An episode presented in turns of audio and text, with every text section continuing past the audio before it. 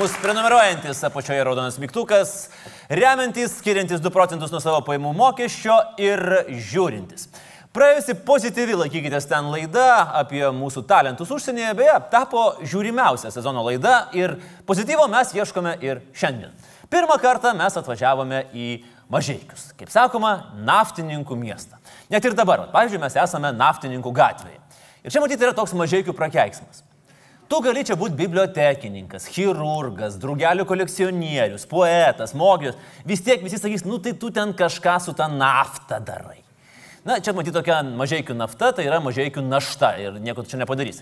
O šiaip mažiekiuose viskas yra gerai, normalus, gražus regiono miestas, viskas tvarkoja, valdžios socdemai, jų partiečiai, draugai, žmonos, uošvės, kaimynai, kaimynų uošvės, visi yra postuose prie valdžios. Viskas yra tvarkoja. Pernai buvo atvykęs čia Primas, išvažiavo labai pozityviai nusiteikęs, nes batai buvo išbučiuoti iki blizgėjimo. Iki blizgėjimo. Ir žinot, ką tikrai gerai moka mažiekių valdžios bičiuliai, tai yra sveikinti vieni kitus. Aš, pavyzdžiui, pasižiūrėjau jų puslapyje, mažiekių socdemų lyderis Valteris kiekvieną mėnesį, kiekvieną mielą mėnesį sveikina visus bičiulius su gimtadieniais ir skiria ašaras spaudžiančius žodžius. Pavyzdžiui, gimtadienis kviečia į gražią šventę, bet pasiima gyvenimo metus. Tegul visko po lygiai tenka kiek liūdėsio, tiek džiaugsmo. Taip gražu, kad net ašarai spaudžia. Tik tai va vienintelė problemėlė, kad visi tekstai, visi tekstai yra paimti arba iš tostai.lt, arba iš pažintis draugas.lt. Tai, žinot, kam sustoti ties sveikinimais? Aš manau, kad radai internete tostą ir šauk visais gyvenimo atvejais. Reikia pasisakyti parduotuvėje prie kasos, Tegul visko po lygiai man deda, kiek agurkų, tiek pomidorų. Posėdis mažiekių taryboje, tegul visiems po lygiai tenka, kiek švietimui, tiek gatvių duobėms lopyti. Pozityvas, pozityvas, pozityvas. Mažiekiuose vaikai rūpinasi tėvų akimis. Sausi, mažiekiuose dukra pagrobė iš mamos būto televizorių ir išmaniosios televizijos priedėlį. Ir pavyzdžiui, mūsų žiniomis dabar ta mama visiškai ne savo norų tapo garsiausia mažiekių hipsterė, nes visiems sako, ai, aš tai to teliko nežiūriu. Pozityvas, pozityvas. Mažiekiuose žmonės rūpinasi savo sveikata. Į policiją sausį kreipėsi mažiekiškė, kuri patikėjo, kad parapsichologijos daktaras iš Maskvos gali ją išgydyti nuotoliniu magijos sensu ir per 13 kartų jam pervedė 26 tūkstančius eurų. Va. Kur tikra magija? Iš kur pas taip kvailai besielginti žmogų 26 tūkstančių? Bet tai vis tiek, klausykit. 13 kartų pinigus pervesti. 13. Po aštunto karto nekilo abejonių, kad gal tas nuotolinis magas netoks jau ir geras, jeigu vis tiek kepenis skauda? Ne, nekilo. Pozityvus miestiečių ženklas mažiekiuose yra ir savikritiškumas. Štai mažiekių bendrovė kli.lt teikianti interneto ir televizijos paslaugas, matyt suvokė, kad kažką gyvenime daro ne taip ir persivadino į UAB besmegenį. Ir čia mes, ponai, turim metų rebrandingą. Nebent viskas eis dar blogiau ir metų gale jie persivadins į UAB visiškai besmegenį. Gal kiek mažiau pozityvo savivaldos rinkimuose. Čia dėl valdžios susigrums mero Antano Tenio vadovaujami socdemai ir Linos Rimkienės konservatoriai. Nu toks PEMAN 7, sakyčiau, šansai, bet mažai iki derbis. El Naftiko. Tik toks yra vienas toks me dalykas, kai uh, ponia Rimkienė Facebook'e džiugauja, kad jos vedamame sąraše atsidūrė laikraščio būdas žemaičių redaktorė Birutė Šneideraitė.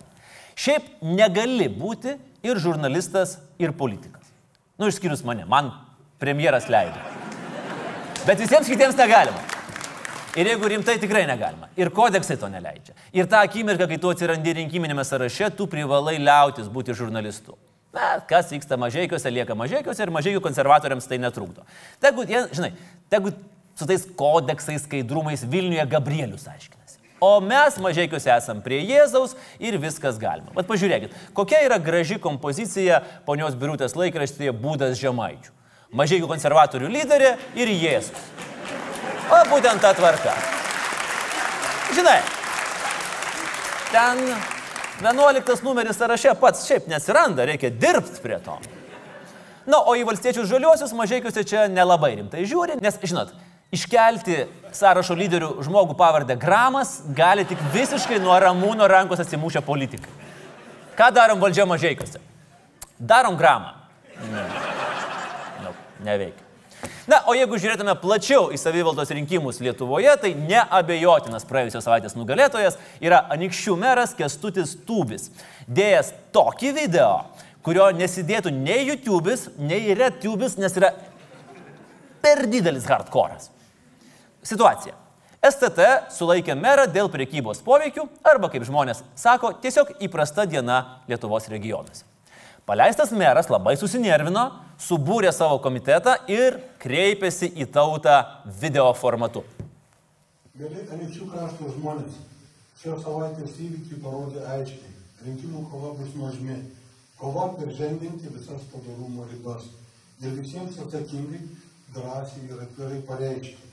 Nesu padaręs nieko, kas prieštarautų galiojantiems teisės aktams ir moralės normoms. Šitas video yra vertas dekonstravimo. Žiūrėkim toliau. Meras kalba, kameros visai kaip moderniai keičia planus. O žmonės, kaip antrailiai personažai iš serialo Walking Dead, klusniai sukioja akis.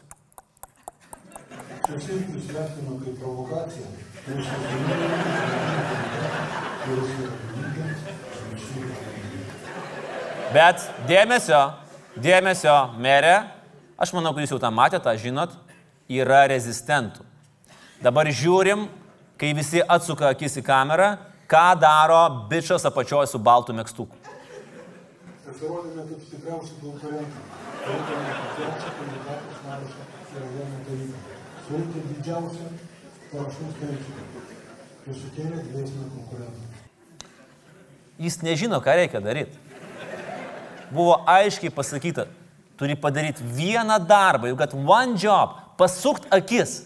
Vieną darbą ir to nesugebėjo. Aš nežinau kaip jums, bet man dėl jo neramu. Anikščiai yra Rūstus Biliūno miestas. Pamenat, kliudžiau. Tai buvo nedidelis bičias baltų mėgstuku, kuris nepadarė to, ką jam liepė meras.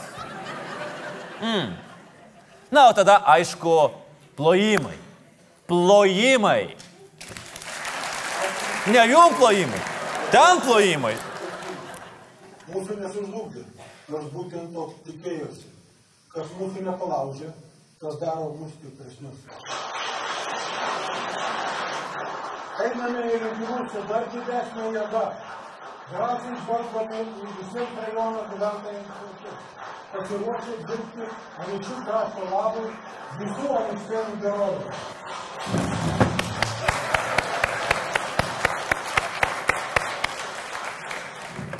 Plojimai atsistojus. Absoliutus Šiaurės anykščiai 2019.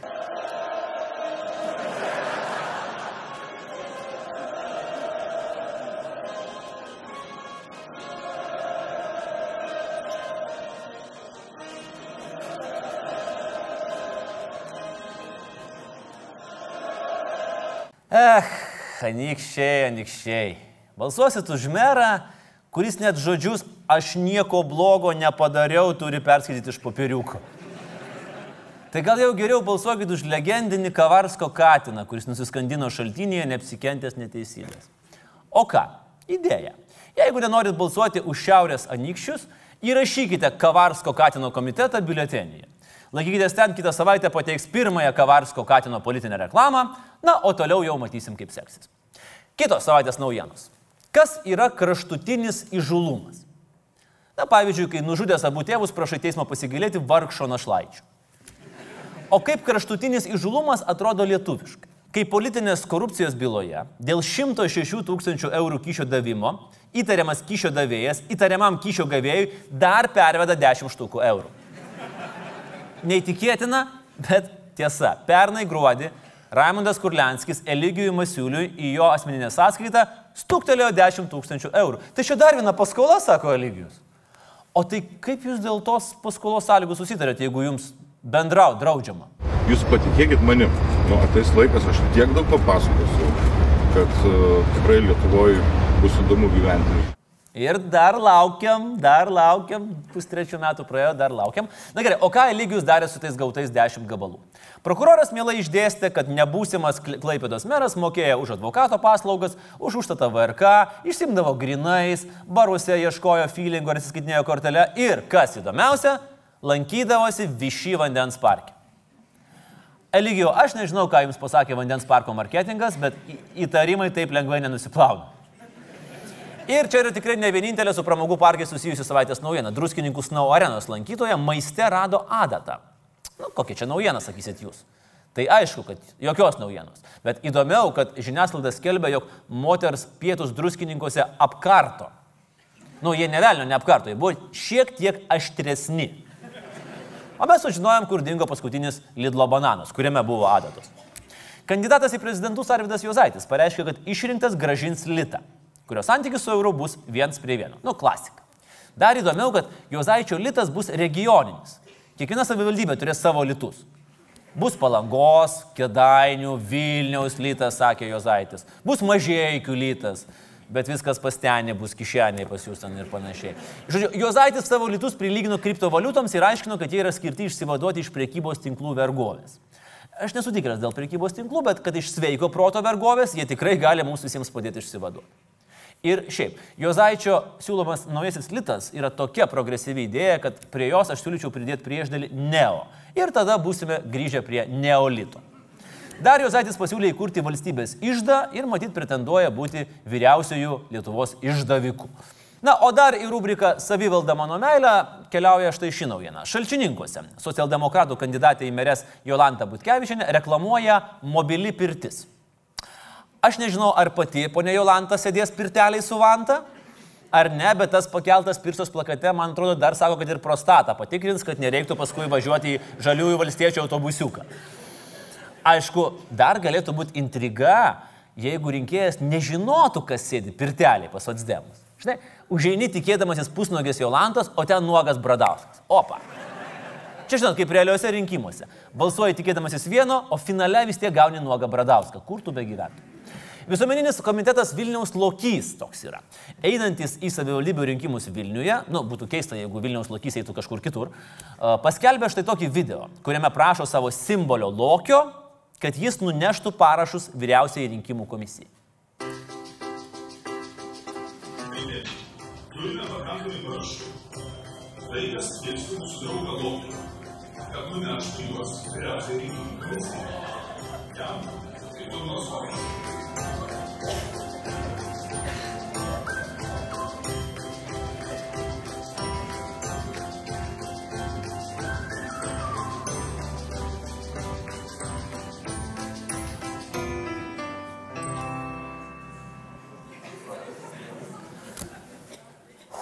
Aš nesuprantu, ar prieš rinkimus šitoje šalyje koksą pradeda nemokamai dalinti visiems, ar kas yra, kas vyksta. Ir aš tikrai nenoriu būti blogas pranašas, bet šitie žmonės patys literaliai, tiesiog neto žodžio prasme, paprašė meškos paslaugos. Prezidentė atmetė skvernelio pasiūlytą kandidatę į aplinkos ministrus Irma Gudžiūnaitė. Prezidentės teigimu, Gudžiūnaitė stokoja patirties rytyje, kuriai turėtų vadovauti aplinkoje. Ir žinot, aš drįščiau, nu, drįščiau paprieštarauti prezidentė. Nes aplinkos ministerijos viena iš kūruojamų sričių yra atliekų tvarkymas.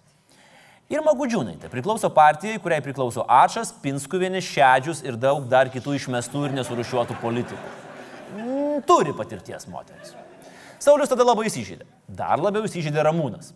Tokį Grybauskaitės elgesį jis pavadino atvirų pasityčiojimų ir pareiškė, kad iki prezidento rinkimų kitos kandidatūros aplinkos ministrus neteiks. Iki tol aplinkos ministro funkcijas puikiai atliks energetikos ministras. Na, šiaip energetikos ministras galėtų prisimti dar vieną funkciją. Galėtų būti tarpininkas tarp Grybauskaitės ir Sauliaus Ramūnų. Bet tada jau būtų nebe energetikos, o blogos energetikos ministras. Bet žinokit, mūsų bebaimių lyderių emocinis intelektas išmušinėja saugiklius. Du mėnesius ieškai ministrų. Supranti, kad, blin, reikia ministrės, būtinai, nes bus žiauriai negerai. Tada supranti, kad niekas nenori su tavim dirbti. Tada pasiūlai bet ką, nesvarbu, kad, svarbu, kad iš artimos aplinkos. Nu gal susitvarkys ir bendrai su aplinka. Ministrė nepraeina. Tada supranti, kad iš subinės kandidatūros neišsitrauksi, krenti ant žemės ir trypikoja. Karbauskis savo, kad skvernelis yra labai labai ir net per daug jautrus. Žiūrint grinai mediciniškai, kai yra per daug jautrus, vyras anksti baigia politinę karjerą. Tai mes gyvensim be ministro. Ir ką jūs mums padarysit? Ir jeigu reikės, mes be visų ministrų galėsim gyventi. Ramūnas su Sauliu susitvarkys dviese. Kur du stos, ten daugiau padarys. Beje, šitą šūkį aš pavogiau iš Retubo. Vo šūkis. Europos Sąjunga, aš manau, žiūri į mus ir galvoja, ar jie ten visi psichiniai? Ne, ne visi. Tik aš vienas. Nes Seimo narys etikos, etikos ir procedūrų komisijos narys Virgilijus Poderys, svarsydamas mano skundą dėl premjero pasisakymo apie perversmus, pasakė, kad nemano, jog skvernelio teiginys apie perversmo organizavimą galėtų įžeisti normalios psichikos žmogų. Tai jeigu pilietis mano, kad premjero kaltinimas, kad jis nori nuversti valdžią, yra čiut, čiut, čiut per daug, etikos komisijos narių nuomonė, jis yra nenormalios psichikos. Kas čia psichinis? Aš psichinis. Man balsai galvoja savo, kad su manimi viskas gerai. Su kuo aš dabar kalbu? Teisybės dėliai ponas Poderys pajuto, kad šiek tiek perlenkė lasdą, parašė man laišką, atsiprašė ir parašė, kad jam bus gera pamoka. Nu ir gerai, jaučiuosi kaip mokytojas. Prestižinė profesija 2025. O kitas mūsų ministras, Žemės ūkio ministras Gedrius Surplys, ES taryboje Briuselėje pareiškė, kad jeigu nebus užtikrintas pakankamas finansavimas, ūkininkauti ES galės tik Čekas Norisas. Žinoma, ministras perdėjo. Aišku, kad ūkininkauti galės ne tik Čekas. Galės ir Stalonė, ir Švarcas, ir Longrinas, ir Veslis Snaipsas, ir Jasonas Stadhemas, ir Vandamas, Briusas Vilisas, nes ūkininkai ES yra nesunaikinami. Ir šiaip labai įdomu, pavyzdžiui, kaip šitam bičiui sektųsi būti ūkininku. Man kažkodėl atrodo, kad jis būtų toks netradicinis ūkininkas. Augintų ne ropės, o bronius ropės. Pavyzdžiui. Užaugintų ekologiškas daržovės didesnės nei GMO, nenaudodamas GMO. Sumaltų visus grūdus neturėdamas malūnų. Dar viena naujiena. Kadenciją baigiantis policijos generalinis komisaras Linas Pernavas paskelbė, netyčia paskelbė, netyčia viešai paskelbė, kad keturis kartus per savaitę po šešias valandas mokosi anglų kalbos. Netgi vydamas jas nusikaltėlį, panosim kartuoja, go and gone, go and gone. Oi tas Linas. Linas nelabai mėgsta Sauliaus. Linas išvalgus. Linas turi planų. Būk kaip Linas. Tik tiek. Džiugi žinia. Kinijoje bus atidengtos vaškinės brolių Lavrinovičių skulptūros. Išgirdusios apie naujus bokštus dvinius, ISIS ir Al-Qaeda labai suklūso. Tiesa, ne muziejui, o vienam Šanhajos priekybos centre. Na, turint omeny, kad brolių karjera dėja eina visiškai į pabaigą, labai keista, kad lietuviai į Kiniją ėmė eksportuoti prekes su itin trumpa garantija, o ne atvirkščiai, ką mes gaunam iš Kinijos. Valstybinė Lietuvų kalbos komisija praeitą savaitę atsisakė didžiųjų kalbos klaidų sąrašo ir už jas nuo šiol nebebus galima bausti. Ant kiek geras sprendimas. Kad, kad pasidžiaug tokiu sprendimu, kaip taisyklė įtakosiančių mūsų gerbuvį, dasiprotėjau čerką net padaryti. Nors to pasiekojame sekti mano batarėjos, bet savistoviai gimė obalsis tokiais timneidys, tai yra maladėts. Vo. Bloga žinia, po tamsos aušra neateis. Maldeikienė traukėsi iš prezidento rinkimų, bet žadėjo dabar kovoti dar žiauriau ir atviriau. Jeigu realiai tarp Maldeikienės kovos ir selo koncerto yra tik vienas skirtumas. Bus daug garso, su šviesom neaišku. Na ir dragūnas priešingai negu Maldeikienė 20 tūkstančių žmonių sugeba surinkti vis dėlto. Na, o šios dienos pagrindinė tema yra ne ginklavimuose, o matavimuose varžybos. Ir tik šį kartą vaikais. Esu tikras, kad girdėjote pirmosius Saulius šūvis apie krikštojančius vaikus prezidentūrai. Ir tai tikrai nebuvo skirta jo konkurentėms moteriams. Ne, ne, ne, tikrai ne, ne, ne, ne, ir jokiais būdais. No way. Bet vis dėlto mes nusprendėm išsiaiškinti, kokia situacija pas galingiausius ir atsakyti savo į esminį klausimą kaip yra krikštaujama įtakingiausiose pasaulio prezidentūrose. Pradėkime nuo valstybės, kurios prezidentams kartelė aukščiausiai. Tikrai turi būti tikri tvirtos šeimos pavyzdžiai. Žinoma, aš kalbu apie Junktinės valstijas ir akivaizdu, kad Baltuosiuose rūmuose krikštavimas yra permanentinis. Prieš tai ten dvi kadencijas krikštavo Obamos dukros, na, o dabar viens po kito atleidžiami krikštauja Donaldo Trumpo patarėjai. Žinoma, būta ir nepavykusių krikštavimų. Pavyzdžiui, Monika Levinski Klintono prezidentavimo laikais, nors dar buvo visai vaikas, ovalinėme kabinete dėja krikštauti tikrai negalėjo. Trumpas turi penkis vaikus, apie kuriuos žinom.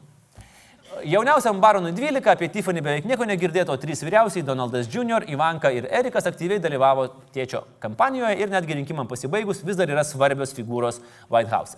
Ivanka net yra oficiali tėvo patarėja, kas būtų nepriimtina ir nesuvokiama jokiam ankstesniam prezidentui, bet šitam netrukdo. Dabar metas užsiminti ir apie vadovų sutoktinius. Perfrazuojant Saulis Kvernelį, moteris mes mylim, bet žmonos irgi svarbu. Trumpas yra daugiausiai žmonių užgyvenęs Amerikos prezidentas, Melanija yra trečioji Trumpienė, pirmoji Amerikos istorijoje ne anglakalbė First Lady. Iš pradžių susilaukusi nemažai kritikos dėl prastų kalbos žinių ir keisto būdo, Melanija dabar matyti yra visai mėgstama amerikiečių. Mėgstama labiausiai dėl to, kad kartu su amerikiečiais irgi nemėgsta Trumpo. Tačiau pavyzdinį šeimos modelį iš Obamų perėmė ne Trumpų šeimyną, o Kanados ministras pirmininkas Justinas Trudeau su žmona Sofija.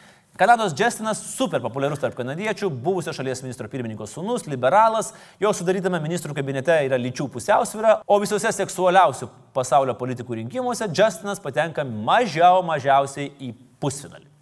Jis toks, net nežinau, aš niekada nebuvau skirtis kokio vaikino. Aš jį visiškai įsimyliu. Aš manau, kad tokie vaikinai jau išvykę kartu su dinozaurais. Jis gražus, mandagus, atidus, darbštus.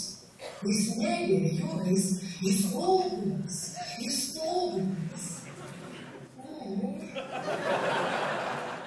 Dar porą metų suksim šitą klipuką, net ir kalbėdami apie Justiną Trudeau.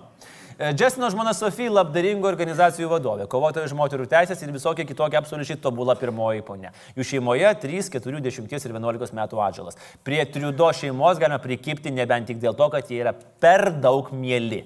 Tipiški prakeikti kanadiečiai. Tęsiant apie Sandrogos valstybės, Didžioji Britanija. Šalies lyderė Tereza May susituokusi vaikų neturi. May vyras Filipas May dirba konsultantų banke. Tereza sako, kad jos vyras jai yra tikras akmuo. Ne po kaklu ir netgi ne inkstuose, o toks akmuo, su kuriuo ji jaučiasi saugi per visas audras. Filipas May dar turi super galę. Nuotraukose Terezais gali paversti visai mielų žmogumi. Vokietijos kanclerė Angela Merkel su savo Merkeliu susitokė būdama 23, bet po penkerių metų santoka išyro. Ir per tris karalius pas Angelą dabar ateina tik Baltazaras ir Kasparas. Merkelis jau nebeateina. Pavardė liko su dabartiniu vyru chemiku Berlyno Humboldt universitetu profesoriumi Joachimu Zaveriu kartu jau gerus 20 metų, vaikų neturi, niekas veikstagė nekrikštauja. Paryžius irgi susidūrė su krikštavimo trūkumu. Makronas ir Brigit vienas kitam į akį krito, kai būsimam prezidentui buvo vos 15, o trijų vaikų mamai, jo teatro mokytojai, tuomet dar poniai Ozier 39.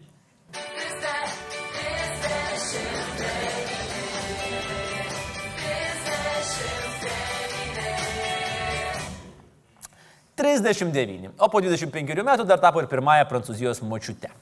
Beje, įdomu, kad tarp Amerikos ir Prancūzijos pirmųjų porų beveik identiškas amžiaus skirtumas, bet nelaimingiausia vis tiek yra Melanija. Kinijos prezidentas Xi Jinpingas su žmona buvusią karininkę ir kiniškos duokim garo versijos atlikėja pagal šalies įstatymus susilaukė tik vienos dukters, bet ji irgi nekrikštauja, nes yra išsiusta studijuoti Harvardą, kaip ir pridera jauniesiems normalių diktatorių vaikams. O ir šiaip, Kinijoje jokie vaikai nekrikštauja. Fabriko direktorius neleidžia triukšmauti. Na, o kaip pas tuos du trenktus plinkančius kaimynų vadovus? Ar kas krikštauja Rusijos ir Baltarusijos prezidentūros? Jei trumpai, taip, krikštauja, dažniausiai tai būna mušami opozicijos lyderiai. Vova ir Saša savo ilgametės prezidentavimo karjeros pradžioje į oficialius renginius dar atsivesdavo žmonas, abu susilaukė dviejų atžalų, tad plius minus kažkoks krikštavimas šaltuose rūmuose dar pasitaikydavo.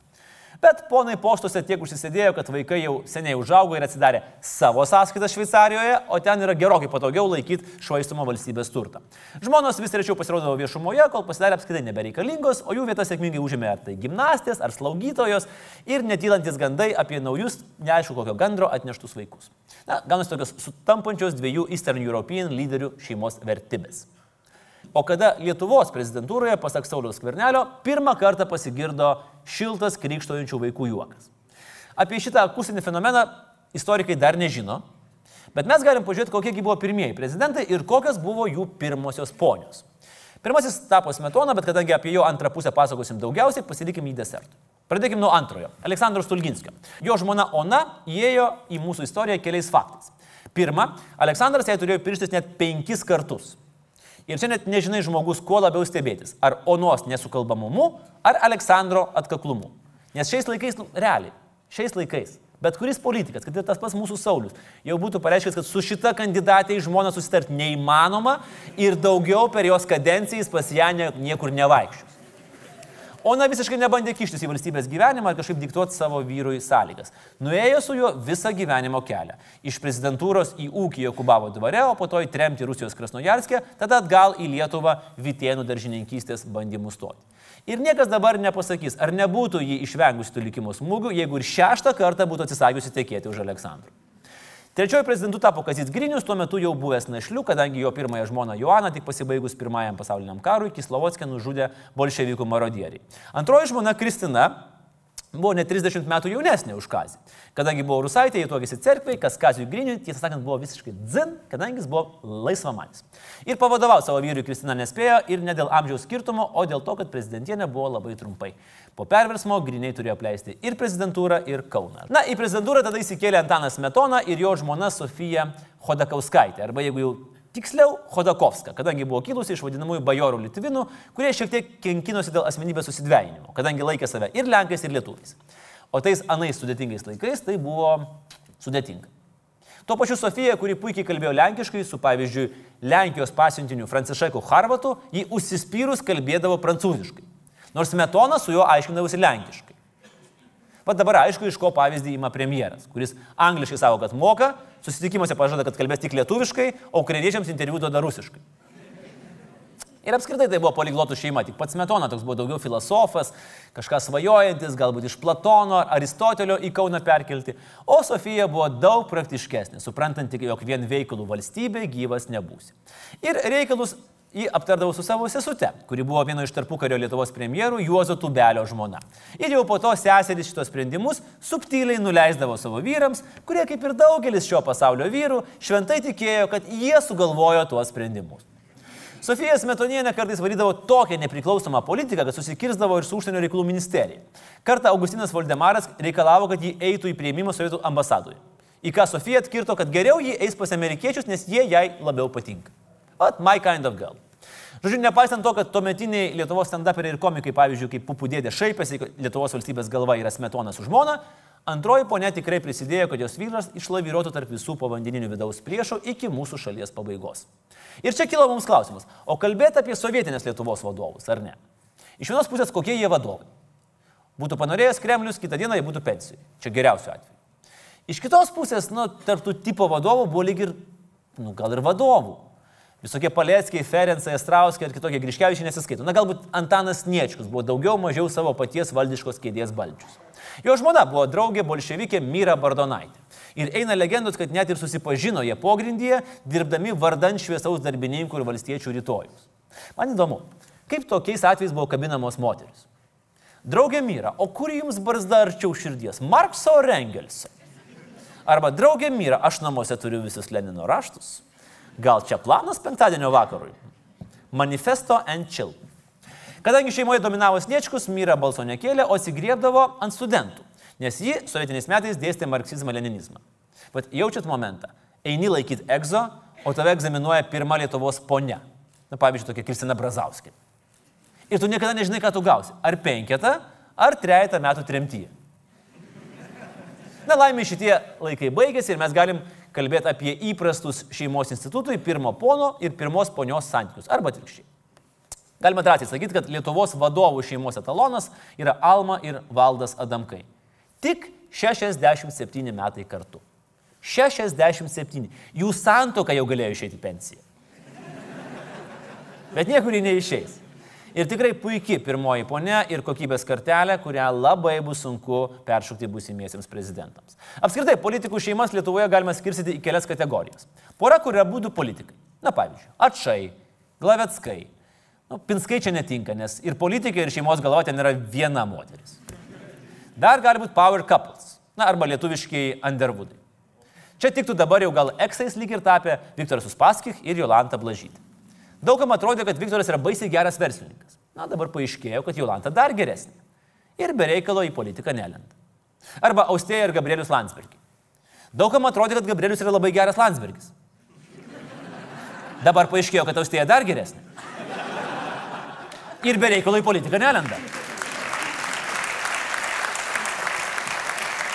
Toliau yra poros, kur antroji politiko pusė tiesiog kursto šeimo žydinį ir artėjant rinkimams pradeda dalinti sacharininius interviu apie moters vietą ir nepaprastai sunku ir atsakingą vyro darbą. Na, tokios nenusivylusios namų šeimininkės, Janina Butkevičinė čia būtų turbūt pats idealiausias pavyzdys. Dar yra politikai ir jų meilužės. Ir čia reikia pripažinti, mes esam silpni. Kiek tauta yra nuvaryta, jeigu mes turim pripažinti, kad per 30 metų nepriklausomybės turėjom vienintelę normalią rimto valdžios žmogaus meilužę - Kristiną Brazauskinę. Ir tarp jų buvo draugystė. Ir ne šiaip draugystė, o draugystė su privalumais. Ir tie privalumai buvo draugystė. Viešbutis. Dar yra poros, kur antroji pusė tikrai nepadeda savo sutoktiniui. Laima Paksienė, jos merkinės piramidė ir Genelį ir Rolando frazė žmonos nemušu negirtau, nes dabar adventas.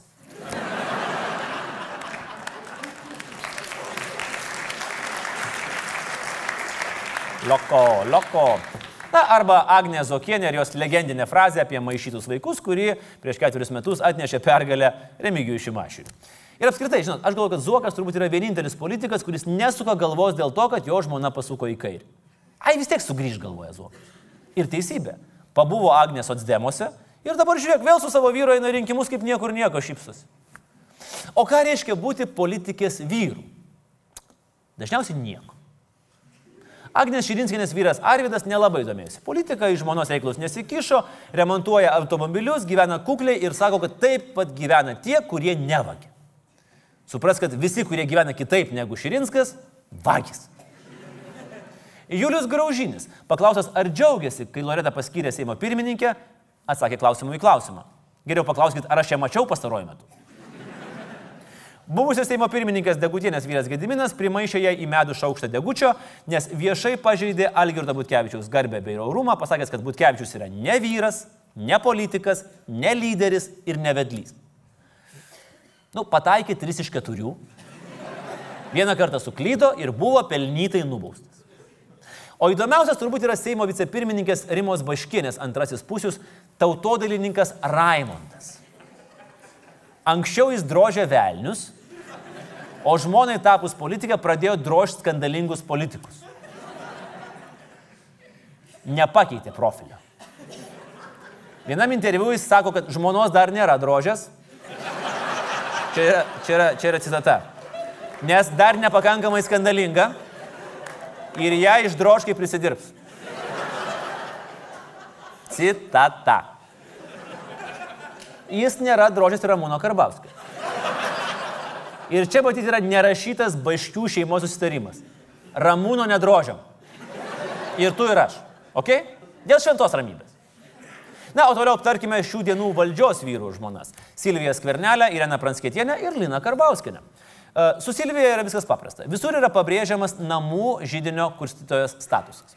Viešumoje jis susilaukė mažai dėmesio, retas, kuris ją atpažįsta, ji ne politikė ir turbūt ne premjerienė, ji yra žmona. Beje, yra gajus mitas, kad Silvija su Saulim susipažino bankį. Nes nu kas nesvajojo apie tokią meilės istoriją. Ateini į banką paskolos, išini su numeriu būsimos žmonos. Bet iš tikrųjų jie buvo pažįstami iš anksčiau. Aš niekada labai nebūčiau pagalvojus, nes iš tikrųjų Saulių pažįstu labai seniai, aš buvau moksleivis, nes tai buvo mano kaimyno draugas. Ir netgi manęs būtų kažkas paklausęs, kad ar čia tavo būsimas vyras, aš tikrai būčiau pasakęs, nu, tikrai ne. Nu tikrai. Su aštuoniais metais vyresnių kaimyno draugų ženytis nei šis, nei tas. O va su banko klientu jau kitas reikalas. Toks jau tikrai niekur nepabėgs, nes paskola sulaikys. O jeigu rimtai, tarp Silvijos ir Saulius susidėliojo gražiai meilės istorija ir dabar jį yra, kaip pati sako, paprasta žmona, o ne premjerienė. Negana to, bet labai svarbi patarėja. Iš tiesų, Saulis dažnai mano nuomonės klausia, e, sako, kad visada atspėjai, ką reikia daryti, kaip reikia reaguoti, tai tikrai aš savo nuomonę pasakau ir dažniausiai jinai būna teisinga. Va, mat ir aišku, kas patarinėja. Skirmantas Malinauskas dabar verkia kamputyje. Arba vėl koliojasi su miliutė Facebook'e. Nu, mes taip ir gyvename. Toliau, Irena Pranskėtienė. Jie galime priskirti prie darančių savoją karjerą antrųjų pusių. Irena yra mokslininkė, augalų mytybos ekspertė, docentė, trašos, dirbožėmis, visa kita. Žinot, čia yra tas atvejis, kai vyras taip susidomėjo žmonos karjera, kad irgi nuėjo dirbti su mėšlu. O šiaip mes visi turėtume pasakyti didelį ačiū už jos atliekamą darbą. Nes kai jos vyras kažką lepteli, tai net kasnis iš burnos gali iškristi. Tai ponia Irena yra tas žmogus, kuris rūpinasi, kad mes tą kasnį turėtume. Kad yra augalinės kilmės. Jeigu Sauliaus ir Viktoro žmonos nesirodo labai smarkiai viešumoje, tai Ramūno žmona Lina Karbausinė tiesiog nesirodo. Net Lietuvoje. Mes žinom, kad jinai gyvena Ispanijoje ir labai mėgsta važintis dviračiais. Mūsų šeimai yra viskas gerai. Prieš dviejus metus, turbūt paskutinėme viešame interviu, sakė ponia Karbauskė. Kur nebus gerai, kai nereikia su Karbauskiu gyventi? Na, o viena iš moterų, kuri turi nemažai šansų tapti pirmąją Lietuvos ponę, yra Diena Nausėdienė. Susipažinimo ir meilės istorija verta saldžios, gražios romantinės komedijos su IMDb reitingu maždaug 6,3. Susipažino vestuvėse. Tada Gitanas nusižiūrėjo dailę panelę, kurie atėjo į šventę su kitu kavalieriu. Nu, buvo naglas akiplėša ir nusikabino. Pakvietė keliauti į palangą ir vietoj to, kad kaip normalus žmogus su mergina eitų į laukinių vakarų saliūną, aš dabar cituoju Gitaną, šnekėjome nepatikėsit apie ką apie abstraktų ir konkretų darbą, politekonominę temą. Ir dabar mano žmona sako, man tai buvo lemiamas pokalbis, kai tu mane perlaužiai. Ir žinot, pat, aš neįsivaizduoju, kaip galima svaipinti dešinę, pamačius tokį bičią Tinderį. Ekonomistas, labai mėgstu Hayeką, nevirškinu Keinso. Merginos, rašykit. Aišku, ir rašo ir sutinka labai specifinės merginos. Pone Diena pati sako, paprastai vyrai merginam žada aukso kalnus, o Gitanas paklausė, ar pasiryšiu su juo kartu visą gyvenimą vargą vargti. Nu tai kaip atsisakysi tokio gero pasiūlymo? Tai aišku, kad sutikau. Dar viena įdomi ir svarbi ponia, kuri galbūt netaps Lietuvos pirmąją, bet paminėti vis tiek svarbu - Oksana Jozaitinė. Antroji Arvido Jozaičio žmona, su kuria jis arba, na, kuriam ji augina du vaikus. Melės istorija įdomi. Jai 42, jam šiam 2. Iš Baltarusijos, jis nacionalistas. Pone Oksana pasakoja, pažinties pradžioje Arvidas sakė, turi žinoti, kad pirmiausia man yra Lietuva. Ir jeigu Lietuva pareikalaus aukų, tai ir bus sudėtos. Irgi būtų geras Tinderio profilis. Visada turiu Lietuvą, kuri man pirmoje vietoje. Merginos, atidžiai žiūrėkit, ką rašo vaikinai po savo nuotraukomis. Ir kai pagalvojai, va tokios tikrų lietuviškų Underwoodų, tikrų lietuviškų Clintonų poros neturim. Žinot, kur abu partneriai yra politikai, kur abu partneriai yra įtako žaidėjai, galios figūros. Įsivaizduojat, kaip būtų kieta tai turėti. Bet yra variantas. Dabar susikaupkite ir moraliai pasiruoškite, nes net man pačiam bus baisu, ką aš dabar sakysiu. Bats Per klaidą Lietuvoje įsigalioja vienos lyties santokos. Bats, Šimonytė tampa prezidentė ir apsiženė su Grybauskaitė.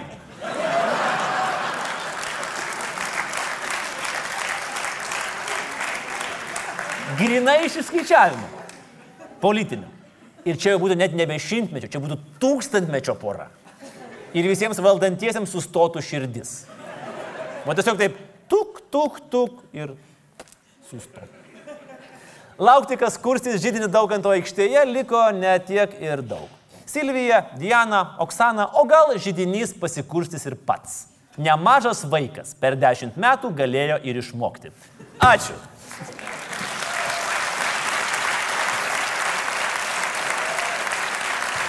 Ačiū visiems. Ačiū visiems, buvo smagu. Pasimatysime lygiai po savaitės. Čia laikysimės ten, jau su kitais svečiais ir kitais pokštais. Galbūt netgi juokingais. Ačiū ir iki.